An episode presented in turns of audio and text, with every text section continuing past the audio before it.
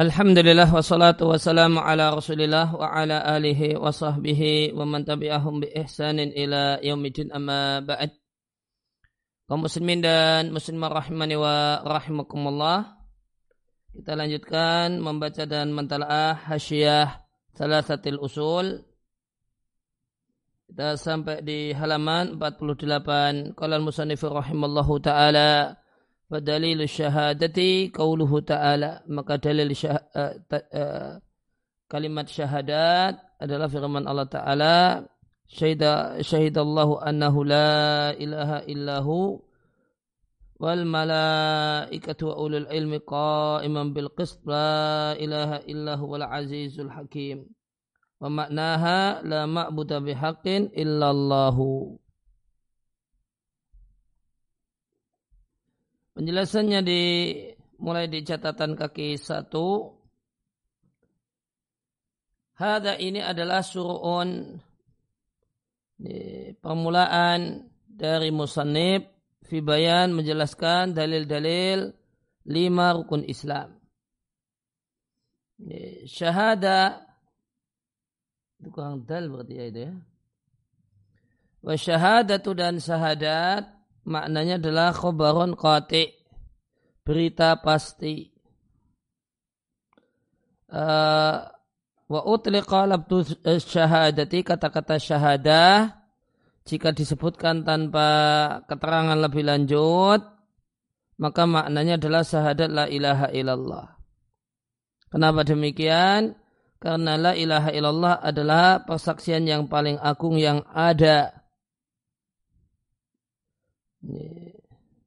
A'zamu syahadah persaksian yang paling agung uh, memberikan persaksian untuk ala a'zami masyhudin bihi objek persaksian yang paling agung. Sehingga falayan sarifu al itlaqu penyebutan kata-kata syahadah tidaklah uh, tertuju illa ilaiha kecuali pada syahadat la ilaha illallah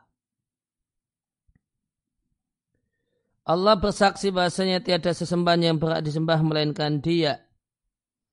Artinya aila ma'budu bihaqqin fil wujudi illa huwa wahdahu. Tidak ada sesuatu yang disembah yang berhak yang ada di alam nyata ini kecuali dia Allah semata. Maka Allah adalah ilah sesembahan yang berhak disembah. Dan siapa saja yang diklaim pada dirinya ada uluhiyah hak untuk disembah selain Allah maka itu adalah kebatilan yang paling batil, kesesatan yang paling sesat. Maka Allah adalah sesembahan yang berat untuk disembah. Al-ilah al-haq yang maknanya al-mustahiqu lil ibadati wahdahu. Yang hanya dia yang berat untuk mendapatkan ibadah tanpa kulli masiwahu yang lainnya. Nah, apa makna syahada? Perkataan ibarat, perkataan para ulama salaf tentang pengertian syahadat itu tadur berputar pada yang pertama hukum, yang kedua keputusan atau memutuskan, al-i'lam menginformasikan, al-bayan menjelaskan, al-ikhbar mengkabarkan. Kesimpulannya kata Ibnu Qayyim dan yang lainnya tidak ada pertentangan antara lima makna ini. Ya, maka siapa yang bersaksi la ilaha illallah misalnya, maka berarti dia telah menetapkan menetapkan hukum dan keputusan. Menghukumi kemudian memutuskan di samping itu memberikan informasi dan menjelaskan serta mengkabarkan bahasanya tiada sesembahan yang berat disembah melainkan Allah semata. Maka karena persaksian itu mengandung ya, perkataan seorang saksi, berita dan perkataannya di samping itu mengandung al-i'lam menginformasikan, ikhbar, memberitahukan, wabayan dan menjelaskan. Wa awal maratibiha dan ya, step awal dari orang yang memberikan persaksian pertama tahu dan e, berilmu dan mengetahui. Ya, berilmu dan mengetahui. Setelah itu meyakini yang kedua meyakini benarnya objek persaksian. Setelah itu yang ketiga, dia mengatakannya. Saksi ini mengatakannya. Yang keempat, dia menginformasikan orang kepada pihak lain apa yang dia persaksikan. Yang kelima, ilzamuh bimatmunihi. Dia konsekuen dengan isinya. Ini step-step orang memberikan persaksian. Ya, persaksian dalam pengadilan misalnya. Ya, saksi nikah, saksi nikah itu di antara fungsinya adalah memberikan persaksian bahasanya pengantin perempuan setuju dan rela dinikahkan dan tidak dipaksa. Hmm, itu saksi nikah. Maka yang pertama dia tahu. Hmm, ada perempuan namanya ini dan dia setuju. Perempuan A ini setuju dinikahkan dengan B. Harus tahu. Tidak boleh jadi saksi nikah tapi dia tidak tahu. Saya tidak tahu si A itu laki atau perempuan. Tidak boleh. Dia setuju ataukah tidak dikawinkan. Saya nggak tahu. nggak bisa. Langkah step pertama jadi saksi itu ilmun wa ma'rifatun. Setelah itu yakin memang betul si A ini setuju dinikahkan dengan B.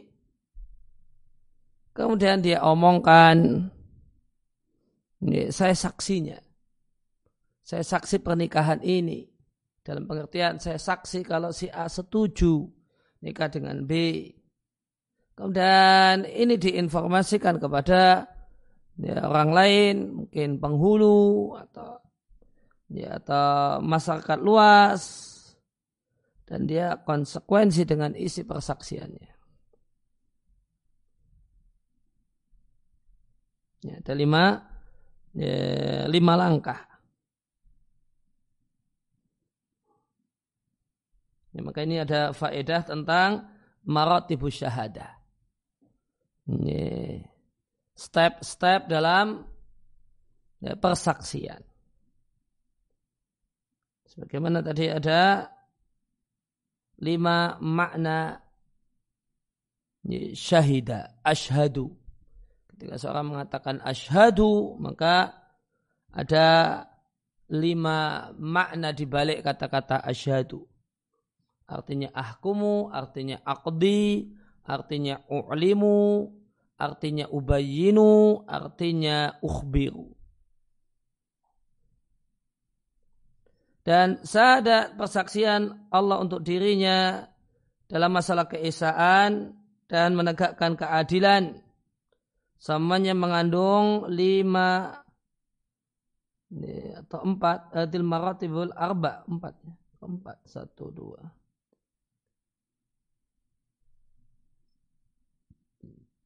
disimpulkan empat.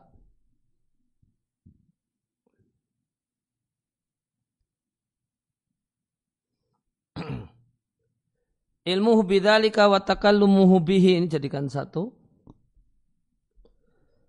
Allah mengetahui hal itu dan mengatakannya.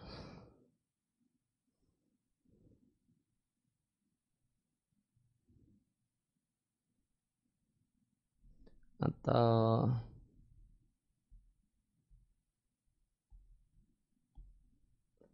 ilmu bidzalika satu Takalumuhu wa i'lamuhu wa ikhbaru. Kemudian takallamuhu bihi. Kemudian i'lamuhu wa ikhbaru li khalqihi bihi.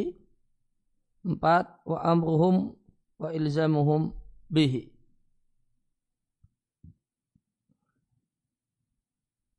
Oh ilzam bukan konsekuensi maaf.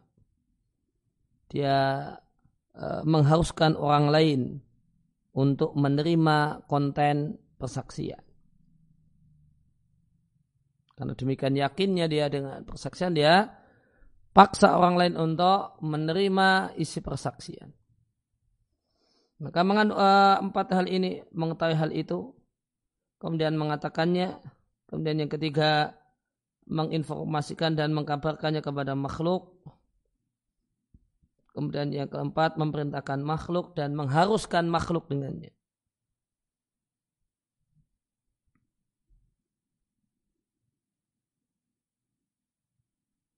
Ya, kemudian ada uraiannya.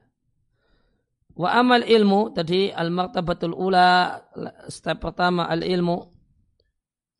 Fasyahadatu maka persaksian tatadhammanuhu mengandung ilmu daruratan dan ini sebuah keniscayaan.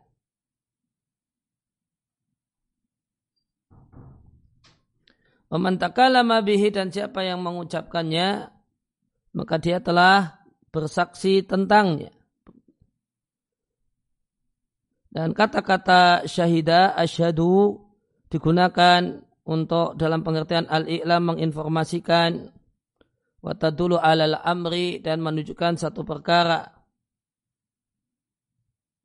Dan persaksian Allah adalah a'zamu syahadatin fil wujudi. Persaksian yang paling agung yang ada di dunia nyata ini. Memberikan persaksian bahasanya la ilaha illahu. Ya, memberikan persaksian bahasanya tiada sembahan yang berat disembah melainkan dia Allah. Ya, satu-satunya yang memiliki sifat ilahiyah yaitu berat untuk disembah. Min a'zami syahidin ini persaksian yang diberikan oleh saksi yang paling agung yaitu Allah Subhanahu wa taala wa taqaddasa ala a'zami masyudin bihi memberikan persaksian untuk objek persaksian yang paling agung yaitu keesaan Allah Jalla wa ala. Maka tidak ada persaksian yang lebih agung, lebih mulia, lebih kokoh dibandingkan persaksian Allah Ta'ala untuk dirinya tentang uluhiyah.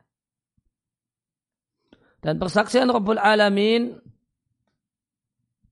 layang kusuhu syai'un albattata. Tidak ada satupun yang menguranginya sama sekali. Al-Kalbi menyebutkan bahasanya ada dua pendeta dari negeri Syam datang keduanya datang menemui Nabi Shallallahu Alaihi Wasallam dan menyampaikan informasikan kepada kami tentang persaksian paling agung dalam kitabullah. Maka Allah menurunkan ayat ini Allah annahu la ilaha illahu dan seterusnya lantas keduanya masuk Islam. Nah, riwayat sebabun nuzul dari Al-Kalbi. Selanjutnya dan para malaikat pun memberikan persaksian kepada Allah bahasanya tiada sesembahan yang berat disembah melainkan dia Allah. Sebagaimana Allah pun memberikan persaksian tersebut untuk dirinya yang suci. Dan para ulama juga memberikan persaksian tentang hal itu. Bahasanya tiada sesembahan yang berat disembah melainkan dia Allah.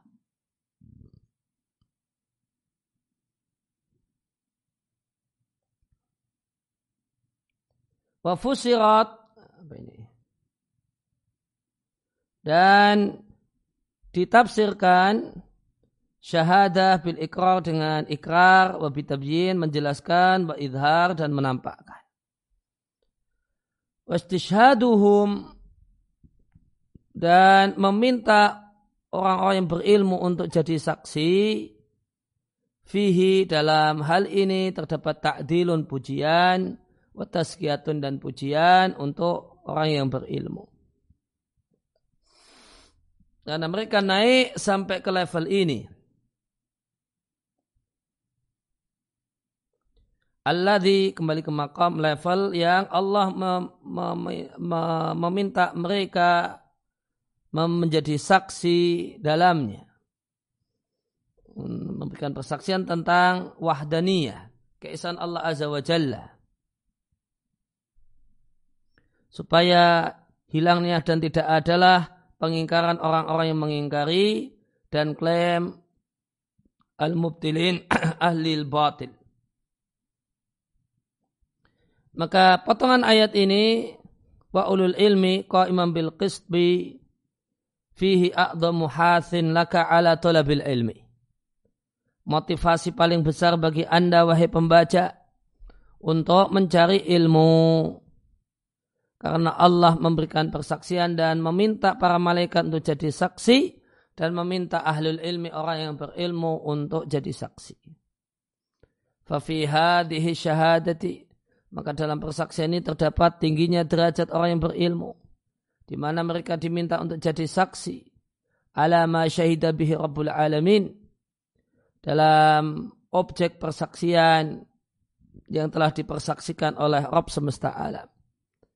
Ya, sanjungan apakah yang lebih mulia daripada sanjungan ini alaihim untuk mereka dan pujian untuk mereka. Wa syahadatu lahum dan persaksian dari Allah untuk mereka bahasanya mereka orang-orang yang berilmu. Dan Allah jadikan mereka orang-orang yang berilmu hujah atas orang yang menyanggah, orang-orang yang mengingkari persaksian. Fadalla ala fadlil ilmi. Maka ini menunjukkan istimewanya ilmu.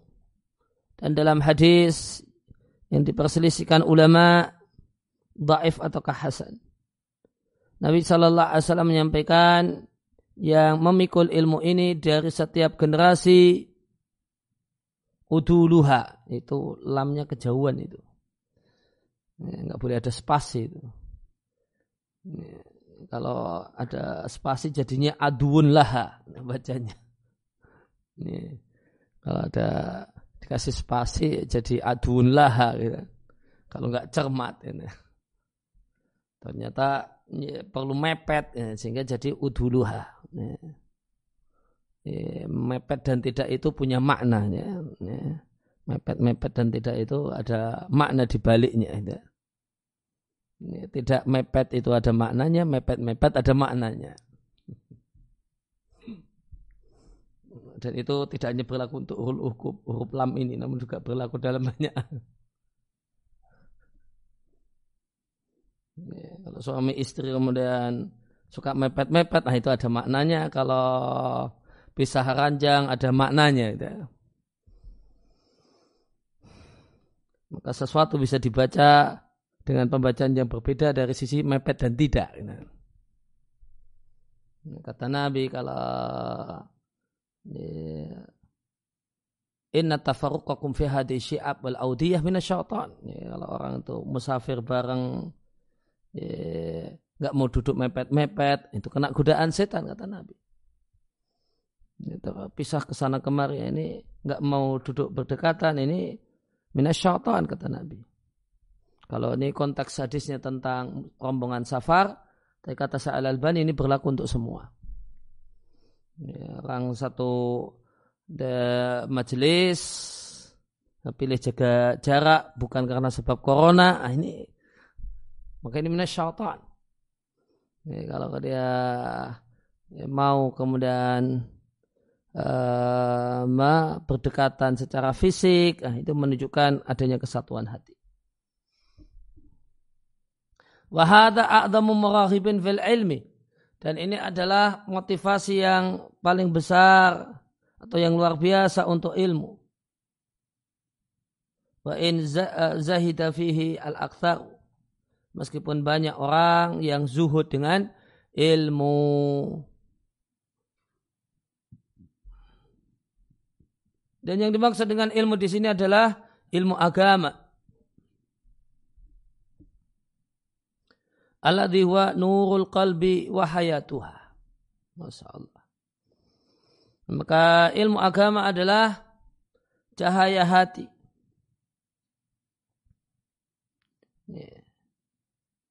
Maka tanpa ilmu agama berarti hati itu gelap. Ya, hati itu gelap. Dengan dengan ilmu agama maka hati itu terang wahayatuha dan kehidupannya dan sumber kehidupan hati. Ya, orang yang jauh dari ilmu agama, hatinya mati. Orang yang senantiasa bersama dengan ilmu agama, hatinya dalam kualitas hidup yang sempurna. Orang yang jarang-jarang ya, bersama ilmu agama, maka hatinya hidup namun dengan kualitas hidup yang tidak sempurna Wa ghairuhu sedangkan selain ilmu agama adalah ilmu nisbi dan idofi. Ini, idofi itu dikaitkan. Jadi dia manfaat ataukah tidak dikaitkan penggunaannya, dikaitkan niat orangnya. Gitu. Sedangkan kalau ilmu agama itu ya, ya, ya zatnya itu adalah cahaya hati dan kehidupan hati. Ya, zat ilmu itu sendiri. Sehingga jika tidak demikian itu error orangnya gitu. Ya, tapi kalau ilmu yang lainnya tidak demikian. Ya, ilmu nisbiyun idhafiyun. Imma ila umur dunyawiyah. Boleh jadi dikaitkan dengan perkara duniawi atau ulum hisabiyah atau ilmu perhitungan atau ya, hitung-hitungan wasinaiyah dan ilmu keterampilan dan yang lainnya. Wa ahluhu dan pemilik ilmu selain ilmu agama laisu min ahli ilmi. Tidak mendapatkan label global ahli ilmi. Uh, mohon disebut ahli ilmu titik-titik. ahli ilmu matematika, ahli ilmu biologi, ahli ilmu fisika gitu. Tidak tidak ahli ilmi secara itlak. Itlak itu tidak ada keterangan tambahan di belakangnya. Ya, kalau cuma semata-mata ahlul ilmi maka itu untuk ilmu agama. Kalau untuk yang lainnya ya itu harus ada keterangan tambahan di belakangnya. Ahlu ilmi fisika, ahlu ilmi biologi, ahlu ilmi ya, matematika dan seterusnya. Nah kalau yang ahlul ilmi tanpa keterangan tambahan itulah yang manusia-manusia yang Allah minta untuk jadi saksi. Sehingga kesimpulannya falayutlak hadal ilmu maka ilmu itu tidaklah ya, disebutkan tanpa keterangan lebih lanjut kecuali untuk illa ala ilmi syar'i ad-dini kecuali untuk ilmu syar'i dan ilmu agama. Dan ilmu syar'i yang dimaksudkan dan yang terpuji adalah ilmu yang nafi, ilmu yang bermanfaat. Ya, itulah yang ilmu yang terpuji. Dan ada penjelasan yang menarik dari Sayyid Sa'di tentang apa itu ilmu yang eh, ilmu nafi, ilmu yang bermanfaat di buku fawaidnya Sa'di Majmu' Majmu'ul Fawaid Waqti Nasul Lama 50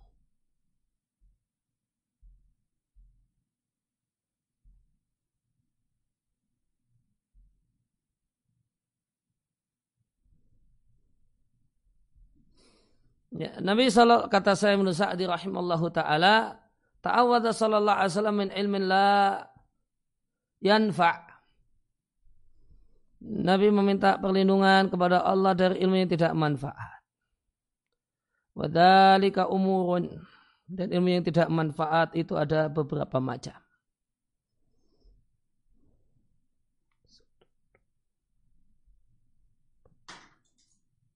Disampaikan ada empat macam ilmu yang la yanfa. Ini, disampaikan ada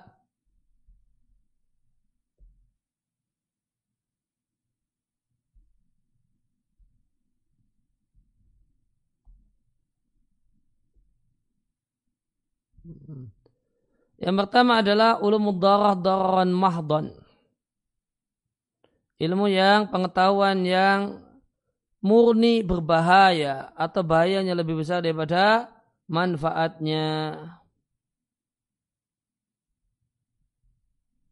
Contohnya al-ulum sihir, ilmu sihir, perdukunan, mujarobat ya, atau teman-temannya. Ya, demikian juga termasuk dalam hal ini ta'alumul batil bi ghairi basiratin bil haqqi. Belajar tentang kebatilan padahal belum punya ilmu tentang kebenaran. Hmm. belajar kristologi padahal ilmu keislamannya belum mapan. Hmm. Ya, belajar tentang ateis padahal belajar akidahnya belum tuntas. Hmm. Maka ini ilmu yang layan fa yang pertama.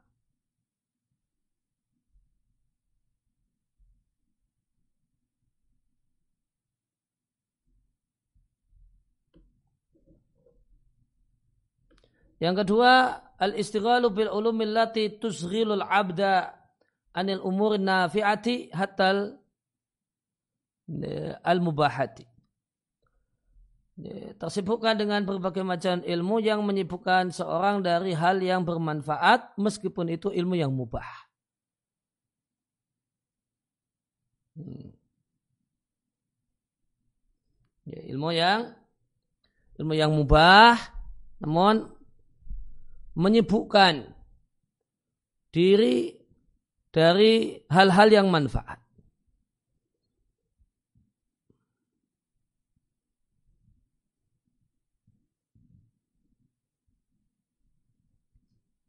Ya, berbagai macam pengetahuan yang mubah ya, tentang boleh jadi pengetahuan tentang handphone, pengetahuan tentang uh, internet, pengetahuan tentang uh, desain, pengetahuan tentang yang lainnya yang, yang mubah.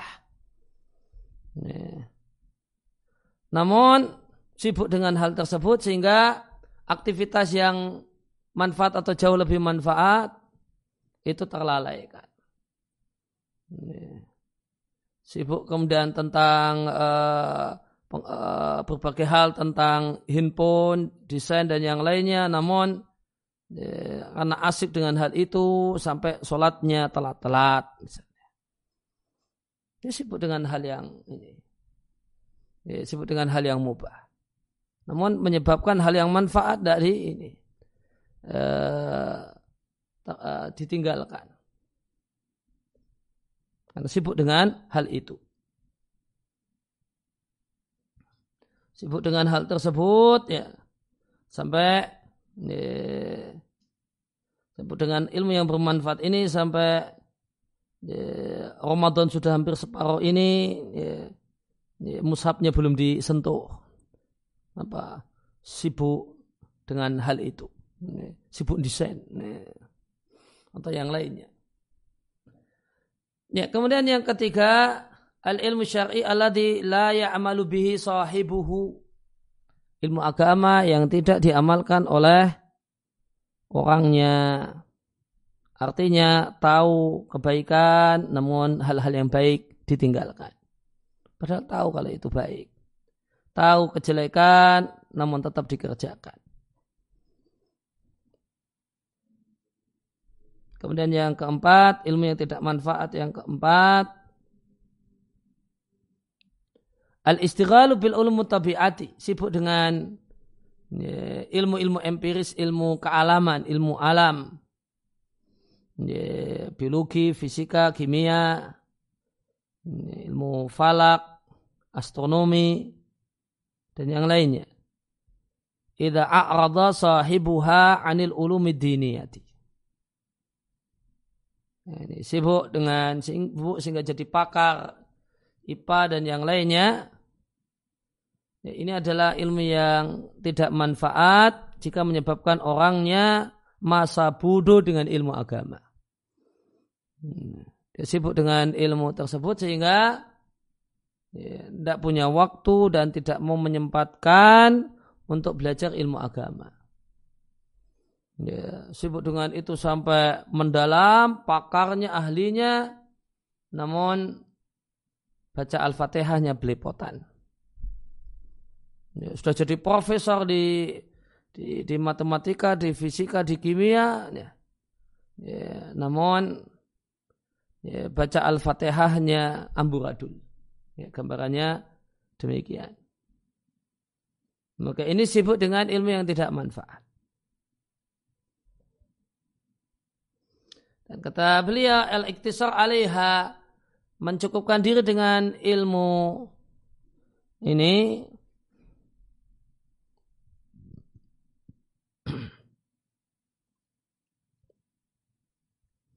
ilmu alam ini itu menyebabkan orangnya sering-seringnya sombong dan sombong. Ya takabbar bi alal haqqi. Sombong dengan kebenaran, mengilmui kebenaran ataupun mengamalkan kebenaran. Ya. Ya, memang demikian. Kalau dia mencukupkan diri dengan ilmu ini, kemudian dia sudah jadi orang besar di situ, ya kalau mau belajar ilmu agama sulit. Dia jadi profesor.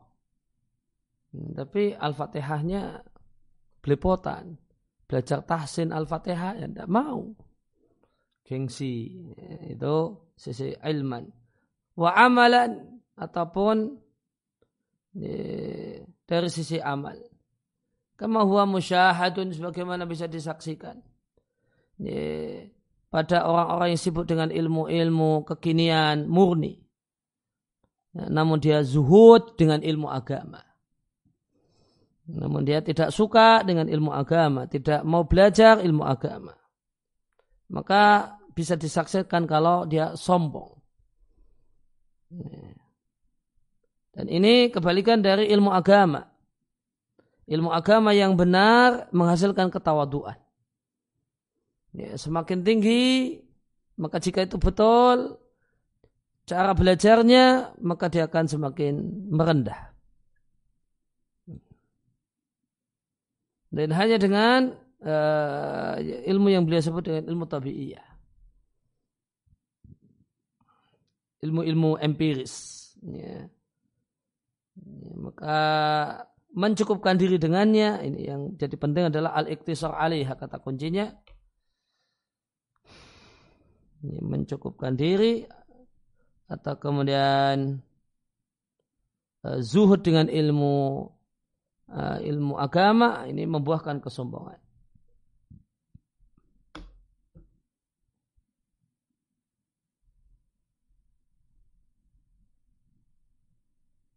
Kemudian ilmu yang manfaat.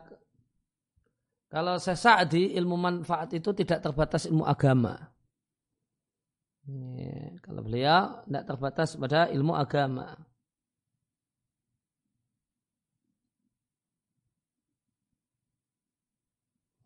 Beliau katakan wa amal ulum nafiat, ya, ulum jamak ya. Ilmu-ilmu yang manfaat. Yang pertama, fahiyya ulumuddin. Ini ilmu agama, ilmu tafsir, ilmu hadis, ilmu fikih, ilmu akidah. Kemudian yang kedua, wa ma'an a'ana 'alaiha min ulumil arabiyyati bi anwa'iha. Ilmu-ilmu yang membantu ilmu agama. Ya, misal ilmu bahasa Arab dengan ber, ber, dengan dengan berbagai macam variannya. Ada nahwu, ada sarab, ada balarah, ada sastra dan seterusnya. Kemudian yang ketiga ilmu nafi yang ketiga ma ilmu fihi isinya islahu dini wa dunya. Memperbaiki agama dan dunia. Memperbaiki keadaan, memperbaiki akhlak.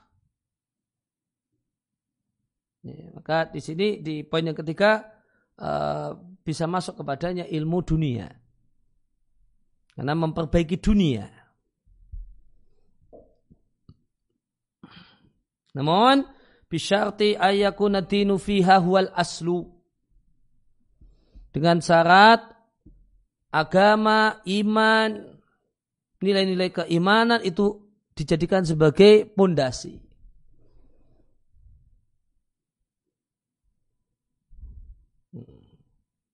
Maka ilmu-ilmu duniawi ini tidak boleh punya prinsip ilmu untuk ilmu.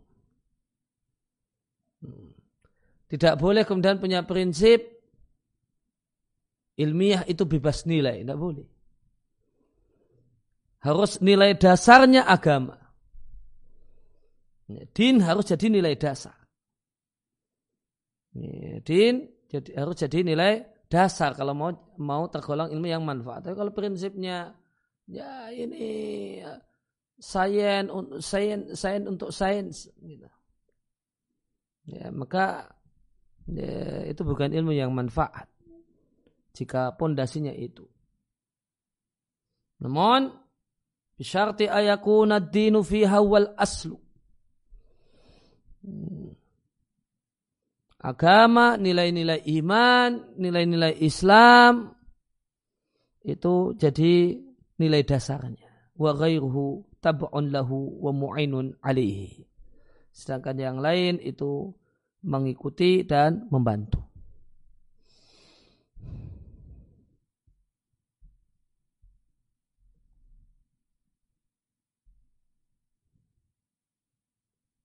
Ya, kembali ke hasyiah.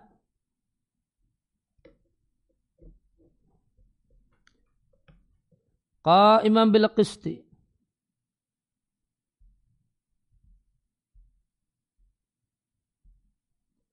Ya. La ilaha illahu La ilaha illahu al azizul hakim. Qa'iman bil qist artinya qa'iman bil adli, menegakkan keadilan. Maka Allah Subhanahu wa taala bersaksi bahasanya dia menegakkan keadilan dalam keesaannya. Dan memberikan persaksian keesaannya dalam keadilannya. Tauhid dan keadilan adalah inti sifat sempurna. Maka rangkaian ayat Allah memberikan persaksian dalam keadaan menegakkan keadilan. Bahwasanya tiada sembah yang berat disembah melainkan dia. Sehingga iman itu nasab karena jabatan hal. Sedangkan la ilaha illahu itu taukid untuk hal sebelumnya karena agungnya kedudukan tauhid.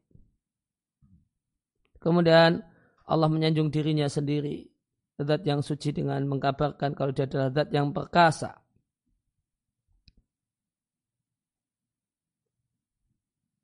Alladzi la yuramu janabuhu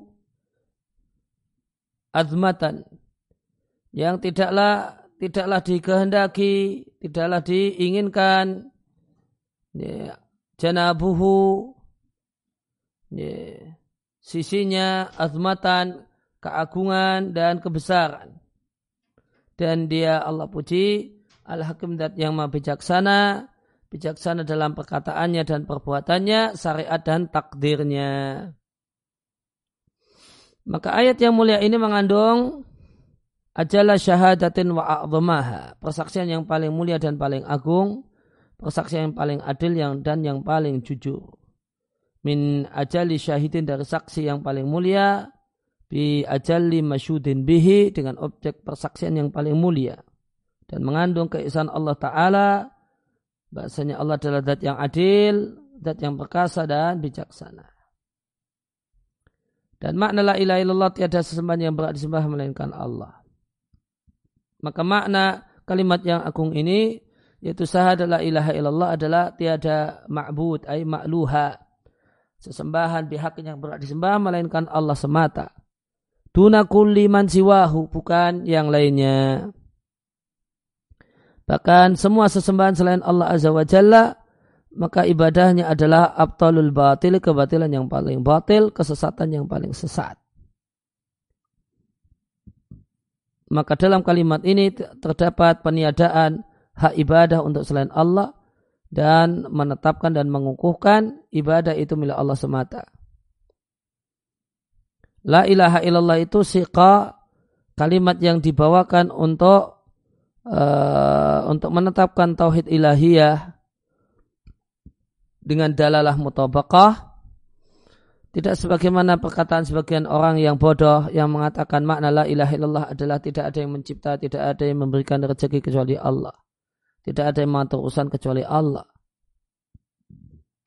Fa inna maka la ilaha illallah wa in dalat alaihi meskipun menunjukkan alaihi hal di atas. Yaitu la yakhluqu wa la yarzuqu ilallah.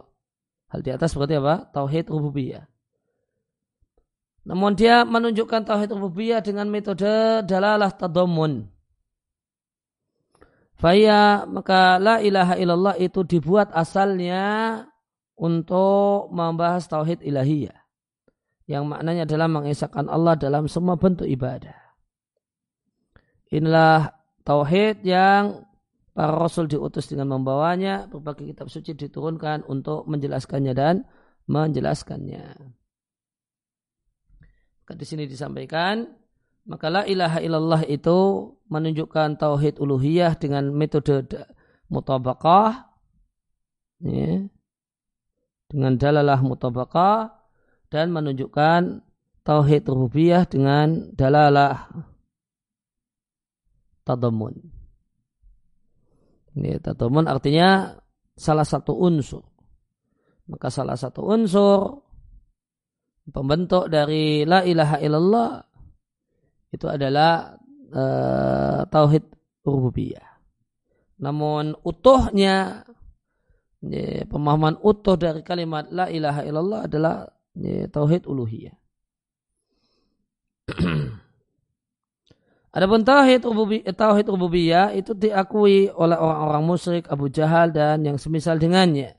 Dalilnya sebagaimana firman Allah Ta'ala, tanyakan, siapakah yang memberikan rezeki kepada kalian dari mendung dan dari bumi? Apakah dia adalah zat yang memiliki dan menciptakan pendengar dan penglihatan? Siapakah zat yang mengeluarkan yang hidup dari yang mati dan mengeluarkan yang mati dari yang hidup? Dan siapakah yang mengatur segala urusan? Mereka akan jawab Allah.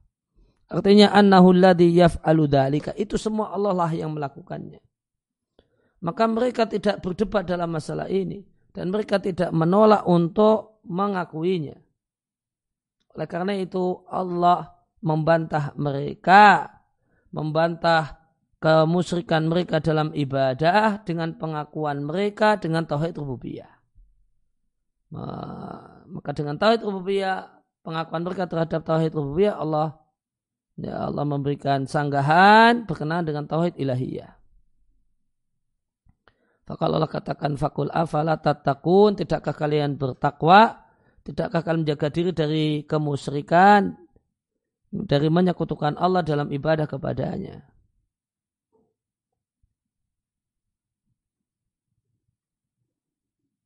Maka mereka orang musyrik Arab mereka mengutip makna la ilaha illallah. Dan bahasanya la ilaha illallah itu menunjukkan ala ifradillah bil ibadah. Beribadah hanya kepada Allah. Oleh karena itu mereka mengingkari kalau Allah itu hanya satu-satunya yang disembah. Dan mengatakan Allah itu satu-satunya yang disembah, mereka sebut ini mencaci maki sesembahan mereka. Mereka mengatakan Muhammad mencaci maki sesembahan kita. Mereka katakan, apakah dia Muhammad menjadikan banyak Tuhan, hanya satu Tuhan saja. Banyak sesembahan jadi satu sesembahan saja. Inna hadalah syai'un ujab. Sungguh ini satu hal yang sangat mengherankan. Ujab adalah level di bawah di atasnya ajib. Ajib itu mengherankan, atasnya lagi namanya ujab. Bahkan mereka menginginkan untuk menjadikan antara mereka dengan Allah perantara dan sekutu dalam ibadah. Fa'ina nufusam karena sunya jiwa mereka dan perasaan mereka telah bercampur dengan kemusyrikan. Ya, terjemah bebasnya, kemusyrikan telah menjadi ya, ya, darah dagingnya. Ya, imtazat bisyirki. Ya, kalau diterjemahkan bebas demikian. Kemusyrikan telah menjadi darah dagingnya. Kalau mau lebih dalam lagi, tulang dan sumsumnya. Maka nasya'at alaihi. Ya, ya, mereka tumbuh besar dalam dalam kesyirikan. Wa alifathu dan telah ya, terbiasa dengan kemusyrikan. Ya, maka fasaru jadilah mereka seperti orang yang sakit yang sudah rusak mizajuhu. Ya, yang tidak normal apa ya, kondisi badannya sehingga ya, jika diberi makanan yang manis, orang yang sakit mengatakan, Hada murun ini pahit. Padahal itu tidak pahit. Namun mulutnya orang yang sakit, yang manis itu terasa pahit. Dan di mulutnya orang yang sakit, pahit, uh, manis itu terasa pahit, itu problemnya walakin al-afata min mizaji al-fasidi. Itu karena kondisi tubuh yang rusak, bukan karena makanannya yang bermasalah. Dan itu sebabnya adalah karena akalnya yang rusak. Fakadhalika maka demikian juga kebenaran dan cahaya yang nyata yang yang berasal dari Nabi Shallallahu Alaihi Wasallam. Maka kebenaran ini menurut mereka dan orang-orang semisal mereka murun pahit. Kenapa pahit? Karena berkenaan dengan amzijadihim. Kondisi tubuhnya. Wal maksudu intinya mereka orang musik jahiliyah mereka telah mengetahui anna madlullah bahasa yang kandungan la ilaha illallah adalah sesembahan itu hanya Allah semata. Wabihada ta'rifu maka dengan ini Anda mengetahui bahasanya ya, madlul kandungan dari la ilaha illallah secara dalalah mutabaqah secara utuh itu adalah beribadah hanya kepada Allah. La ilaha itu meniadakan semua yang disembah selain Allah. Sedangkan illallah itu mengisbat, menetapkan dan mengukuhkan kalau ibadah itu hanya untuk Allah semata, tiada sekutu baginya dalam ibadah kepadanya, sebagaimana tidak ada sekutu bagi Allah dalam kerajaannya.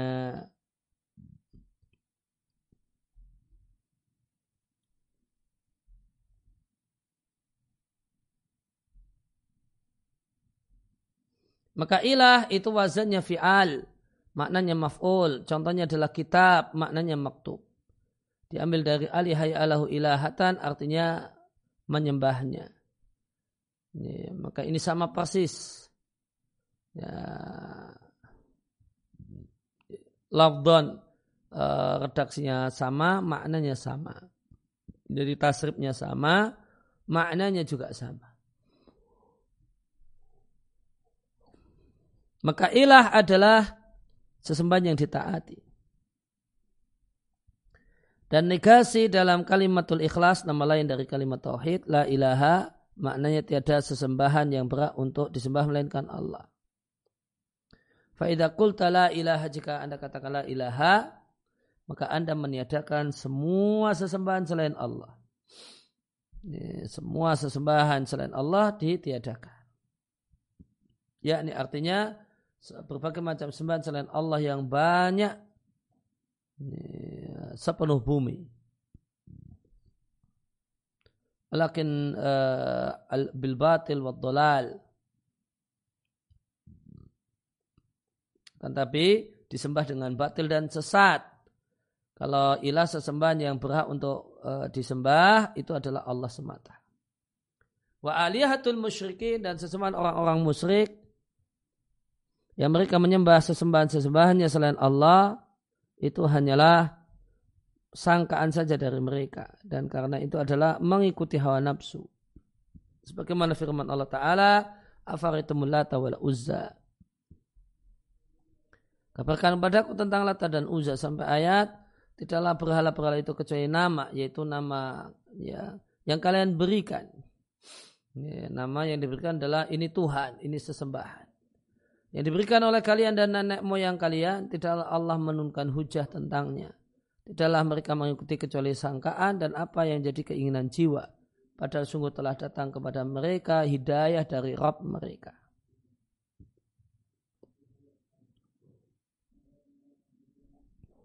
Kemudian ya, musbitan menetapkan ibadah hanya untuk Allah semata.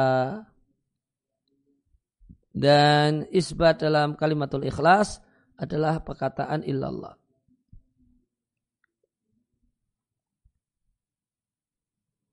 Wal mustasna fi hadil kalimah al-azimah. Dan adanya istisna dalam kalimat yang agung ini yang wadalalata dan menunjukkan ala izbatil ilahiyah lillahi wahdah menetapkan ilahiyah hanya untuk Allah semata a'zamu min dalalati kaulina lebih mulia dibandingkan kandungan ucapan kita Allahu ilahun. Maka eh, kalau seorang mengatakan Allah ilahun atau Allah ilahi dengan la ilaha illallah, nah la ilaha illallah kalimat yang lebih mulia.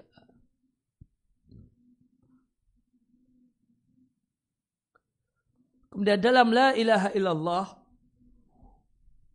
itu lanya nafiyalil jinsi. Kemudian khobar lanya adalah isim marfu yang dibuang takdirnya hakun. Illallah adalah istisna dari ya, khobar yang marfu. Fallahu wal haqqu maka Allah lah ya, ya maka Allah lah yang berhak dan ibadah kepada Allah semata itulah yang benar dan ibadah kepada selain Allah itu uh, manfiyah tidak ada. Bila dengan la dalam kalimat ini Allah Ta'ala mengatakan annallahu al hal itu karena Allah adalah sesembahan yang berhak disembah dan semua yang mereka sembah selain Allah adalah batil tidak berhak untuk disembah.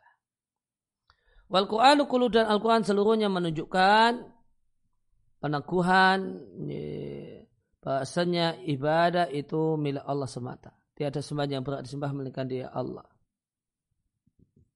Maka la ilaha illallah mengandung dua unsur. Yang keduanya adalah dua rukun la ilaha illallah. Yang pertama rukun negasi, yang kedua rukun penetapan dan pengukuhan.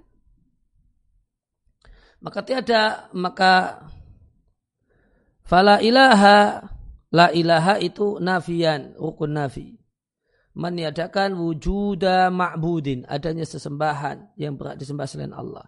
Sedangkan illallah itu isbat. Isbatul musbitan al-ibadata menetapkan ibadah bagi Allah semata. Tuna kulli mansiwahu bukan yang lainnya. Maka negasi semata bukan tauhid. Tiada Tuhan, ya tentu bukan tauhid. Namun isbat semata Allah itu Tuhan juga ya, belum tauhid. Fala buta minal jam'i maka supaya terwujud makna makna dan pesan tauhid harus ada gabungan antara an-nafyu wal isbat. Ya, kemudian syarat la ilaha itu ada delapan. Ya, berilmu yang ini meniadakan kebodohan, yakin yang Ya, maka syarat la ilaha illallah ada delapan.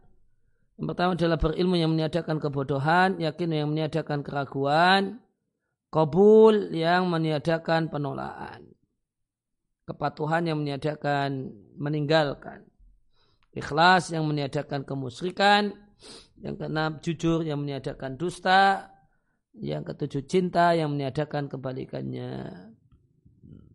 Kemudian Ya, tambahan yang kedelapan ini dari Syekh Ibn Bas rahimahullah ta'ala dan kafir dengan uh, bima siwallahi ta'ala dengan sesuatu yang dengan selain Allah. Ya tiada sekutu bagi Allah dalam ibadah, sebagian tiada ada sekutu bagi Allah dalam kerajaan. Yakni artinya sebagaimana Allah adalah satu-satunya dalam kerajaannya, bahwa ya dulu maka ini menunjukkan kalau dia adalah satu-satunya dalam ibadah maka termasuk kezaliman yang paling zalim anda jadikan makhluk yang tidak menjadi sekutu bagi Allah dalam kerajaan menjadi sekutu Allah dalam ibadah mati Allah dan Maha Suci Walihada yahtaju ta'ala oleh karena itu Allah membantah ya, orang-orang ya, kafir Mekah yang mengingkari uluhiyah Allah dengan pengakuan mereka tentang rububiyah Allah. Karena tauhid rububiyah adalah dalil benarnya tauhid ilahiyah. Oleh karena itu, maka Musalik mengatakan sebagaimana dia tidak punya sekutu dalam kerajaannya.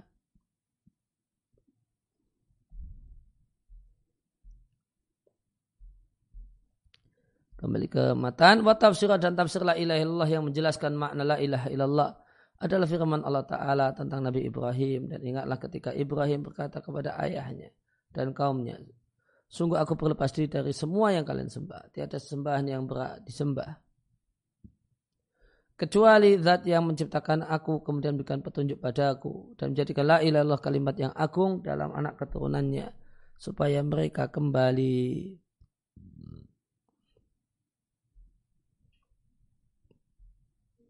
Maknanya Ya, tafsir syahadat la ilaha illallah yang telah kami jelaskan dengan penjelasan yang sempurna dari Al-Quran.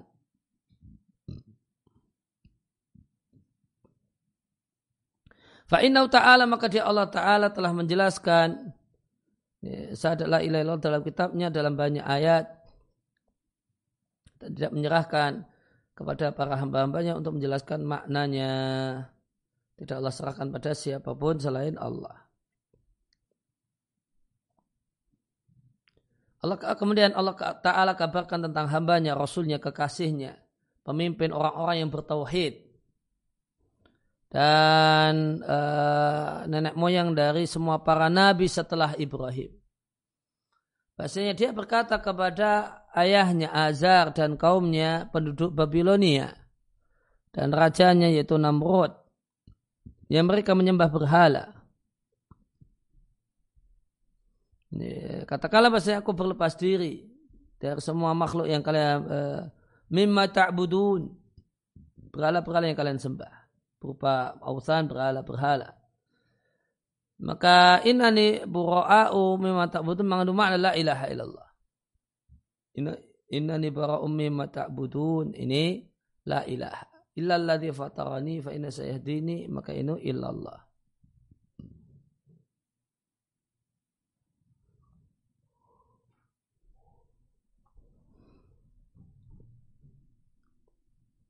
Tentang fatarani maknanya di catatan kaki tiga. Ibtada'a khalqi memulai penciptaanku. Wa ani menciptakanku.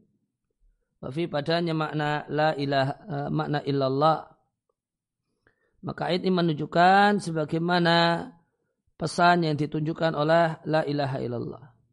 Oleh karena itu dikatakan lanya adalah nafiyah lil jinsi yang menurut bahasa para ulama nahwu disebut lam tabari'ah.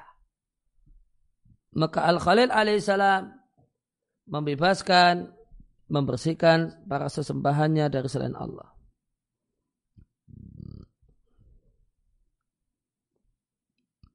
Namun atau tadi Ibrahim ya, tabaru amin alihatihim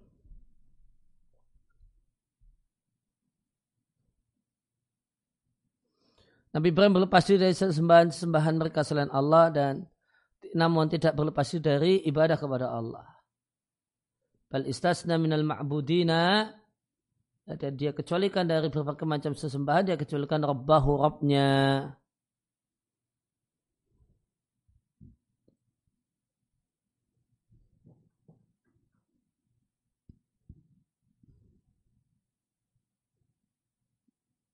Ini, kemudian tadi apa? Penduduk Babilonia, rajanya Namrud. Yang kanu ya'budunal asnam yang mereka menyembah patung. Namun perlu diketahui, patung sesembahan kaum Nabi Ibrahim itu adalah representasi benda-benda langit.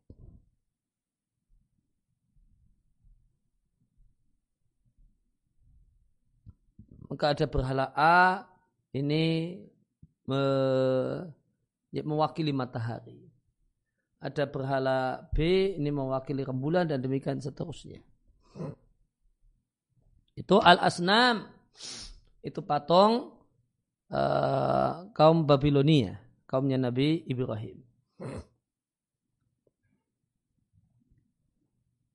Maka ada perbedaan antara asnamnya kaum Nabi Ibrahim dan asnam kaum Nabi Nuh. Kalau asnam kaum Nabi Nuh itu merepresentasikan, mewakili simbol orang soleh. Simbolnya si A, B, C. Mereka semua orang soleh.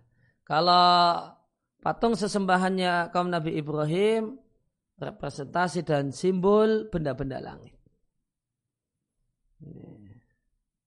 Maka berhala A ini eh, menggambarkan misalnya matahari ini mewakili rembulan dan seterusnya.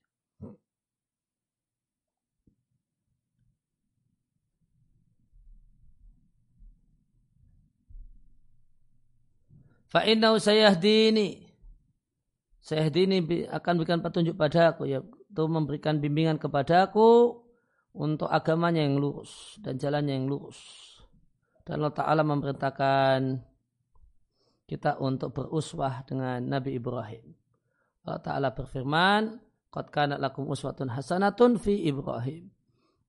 Sungguh terdapat teladan yang baik untuk kalian dalam diri Ibrahim. Al-ayat. Kemudian waja'ala kalimatan baqiyatan fi aqibihi. Nabi Ibrahim menjadikan la ilaha illallah sebagai kalimat yang abadi di anak keturunannya supaya mereka kembali. Maknanya Nabi Ibrahim menjadikan kalimat tauhid yaitu la ilaha illallah kalimat yang abadi pada anak keturunannya dan keturunannya ya, meneladani Nabi Ibrahim via di dalamnya orang-orang yang Allah beri hidayah dari anak keturunannya. La'alau supaya mereka yaitu penduduk Mekah dan yang lainnya kembali kepada agama Ibrahim Al-Khalil sang kekasih Allah.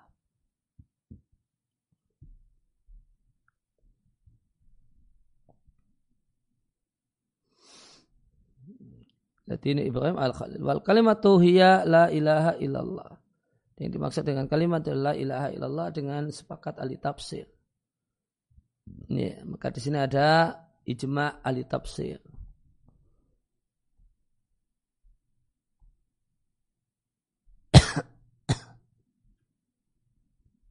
tentang makna apa? Uh, kalimatan bakiyatan ini. Cuma alif tafsir kalimatan bakiyatan itu adalah la ilaha illallah. Fa'abara'an makna la ilaha illallah maka makna la ilaha illallah diungkapkan dengan aku berlepas diri dari semua yang kalian uh, mimma ta'alauna ila kalimatin sawa'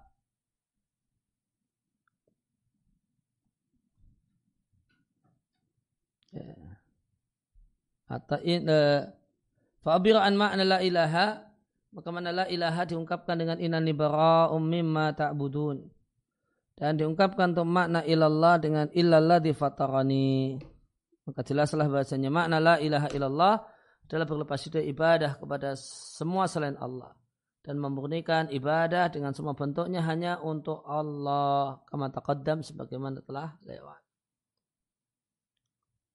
Dan Allah Ta'ala telah menjelaskan makna la ilaha illallah dalam banyak ayat dalam Al-Quran. Karena demikian banyaknya ya ta'adzaru hasuha. Tidak mungkin untuk menghitungnya dan menyebutkannya satu persatu. Semacam firman Allah Ta'ala wa qata rabbuka ala ta'budu illa iyah. Rabbmu memberikan putusan. Tiada sesembahan yang berada disembah melainkan dia Allah. Adalah uh, wafi Allah ta'budun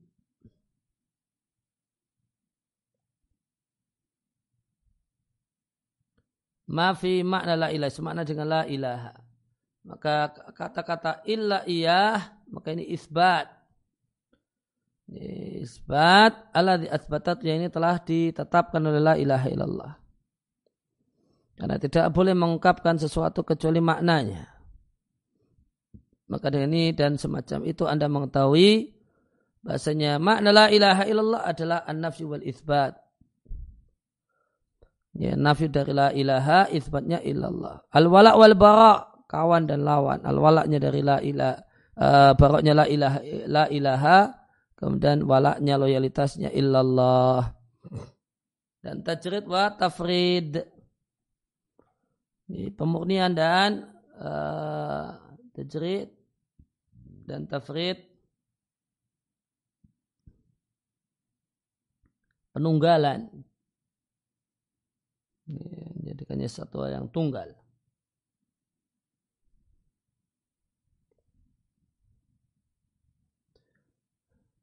Atau oh ini atau sudah dijelaskan tentang tajrid wa tafrid di kalimat selanjutnya. Aduh.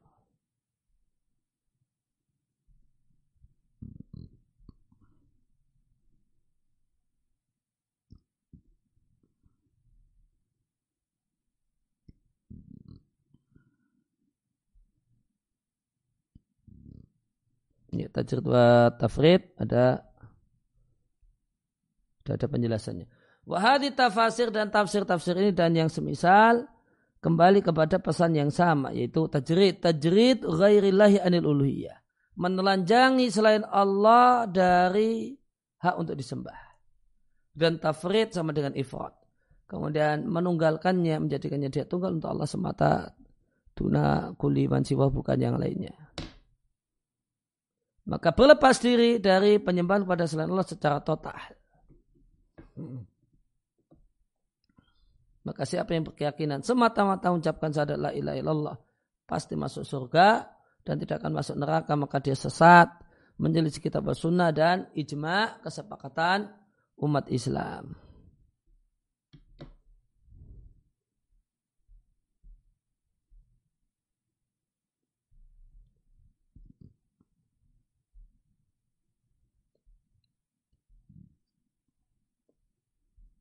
Dan kita selesaikan la ilaha illallah. Kemudian dalil yang lainnya untuk tafsir la ilaha illallah adalah firman Allah Ta'ala katakanlah wahai wahai ahlal kitab mari menuju kalimat yang adil antara kami dan kalian janganlah kami sembah kita sembah kecuali Allah dan kita tidak menyekutukan Allah dengan sesuatu apa pun dan tidaklah sebagian kita mengambil sebagian yang lain sebagai Tuhan-Tuhan selain Allah jika mereka berpaling katakanlah isyadu aku bersaksi bahasanya kami adalah muslim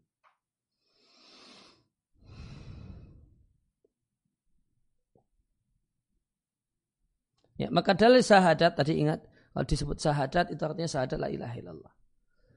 Ya, juga menjadi dalil syahadat adalah firman Allah Ta'ala katakan oleh ahli kitab maka di ada perintah Allah perintahkan Nabi Muhammad SAW untuk berkata kepada ahli kitab Yahudi dan Nasrani marilah ay halumu marilah ila kalimatin wahidatin untuk kembali kepada satu kata bukan yang lainnya dan al kalimah tutlak digunakan dalam bahasa Arab dalam pengertian jumlah mufidah.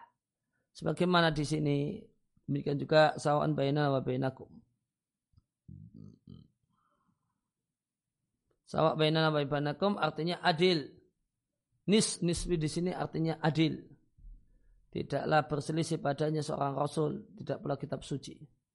Namun sama antara kami dan kalian tentang wajibnya dan wajibnya atas kami dan kalian.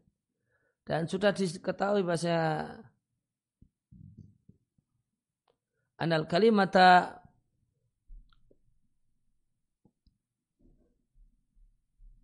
Bahasanya kalimat la ilallah adalah kalimat yang dengannya Nabi mengajak semua manusia kepadanya. Karena tidak ada di alam-alam nyata selain kalimat tauhid. Indal istiqah ketika diteliti, watatabuk dan ditelusuri. Karena Nabi SAW berkata kepada orang-orang Quraisy, Ucapkanlah la ilaha illallah niscaya kalian beruntung. Maka Nabi Wasallam mengatakan pada para pembaca Quraisy, katakanlah la ilaha illallah niscaya kalian akan beruntung. Wahyal kalimat ini adalah kalimat yang diserukan didakwakan oleh para rasul kepada semua makhluk. Allah Ta'ala berfirman, tidaklah kami utus sebelummu seorang pun rasul kecuali kami wahyukan kepadanya. Tiada sembahan yang berat disembah melainkan aku, maka sembahlah kalian kepadaku maka jelaslah analisa tidak ada kalimat dalam konteks ini selain la ilaha illallah. Dan Allah Ta'ala telah menafsirkannya dengan hal itu. Kemudian makna ini kami kita tidak menyembah kecuali hanya kepada Allah. Artinya kita tidak mengusik, mengesahkan kami dan kalian dalam ibadah kecuali kepada Allah. Maka jelaslah dari makna kata ini. Fa inna fi qawli maka dalam kalimat uh, alla na'buda illallah maka ini terdapat padanya makna la ilaha illallah. Maka jelaslah bahasanya tiada sembahan yang berat disembah kecuali Allah semata. Dan kita tidak menyekutukan Allah dengan sesuatu apa pun baik salib, patung, atau tarut atau setan, api dan yang lainnya. Wala syai'an ghairallah dan hal-hal yang lain selain Allah. Bahkan kita kita mengisahkan Allah Ta'ala dalam ibadah semata dia tiada sekutu baginya. Inilah dakwah sama para rasul.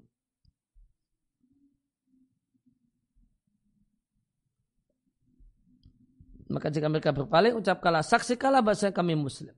Maknanya, atau sebelumnya, ya, janganlah sebagian kami, uh, sebagian kita menjadikan yang lainnya sebagai Tuhan-Tuhan selain Allah. Artinya janganlah sebagian kita taat pada sebagian yang lain dalam maksiat kepada Allah sebagaimana yang dilakukan oleh Yahudi dan Nasrani. Kemudian Ya, jika mereka menolak, mereka membelakangi, cuek untuk memberikan respon, untuk mengisahkan Allah dalam ibadah, katakanlah kalian, umat Muhammad kepada mereka. Bersaksilah bahasanya kami muslim, orang-orang yang tulus mengisahkan Allah tanpa yang lainnya. Artinya mereka menegaskannya dengan lisan. Inakum bahasanya kalian adalah muslim. Dan bahasa mereka itu kafir. Dan bahasanya kalian hmm, Ya, berlepas dari mereka dan mereka berlepas dari kalian. Maka ini menunjukkan. Ala-ana buta sebuah keniscayaan tidak boleh tidak harus anda jelaskan kepada orang kafir sampai mereka faham dan yakin bahasanya mereka tidak berada di satu agama dan bahasanya agama menyelisih agama uh, agama menyelisih agama mereka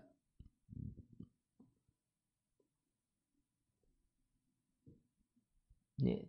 Tadi inamsinya mereka lain soaladin tidak beragama. Meskipun agama meskipun agama beda dengan agama mereka. Yaitu agama yang mereka pegangi. Dan bahasa agama mereka itu khilafu dinika tidak selaras dengan agamamu. Ini kita selesaikan tentang la ilaha illallah. Dan selanjutnya adalah syahadat Muhammad Rasulullah. Demikian wasallallahu ala nabiyina Muhammadin wa ala alihi wasallam wa alhamdulillahi rabbil alamin.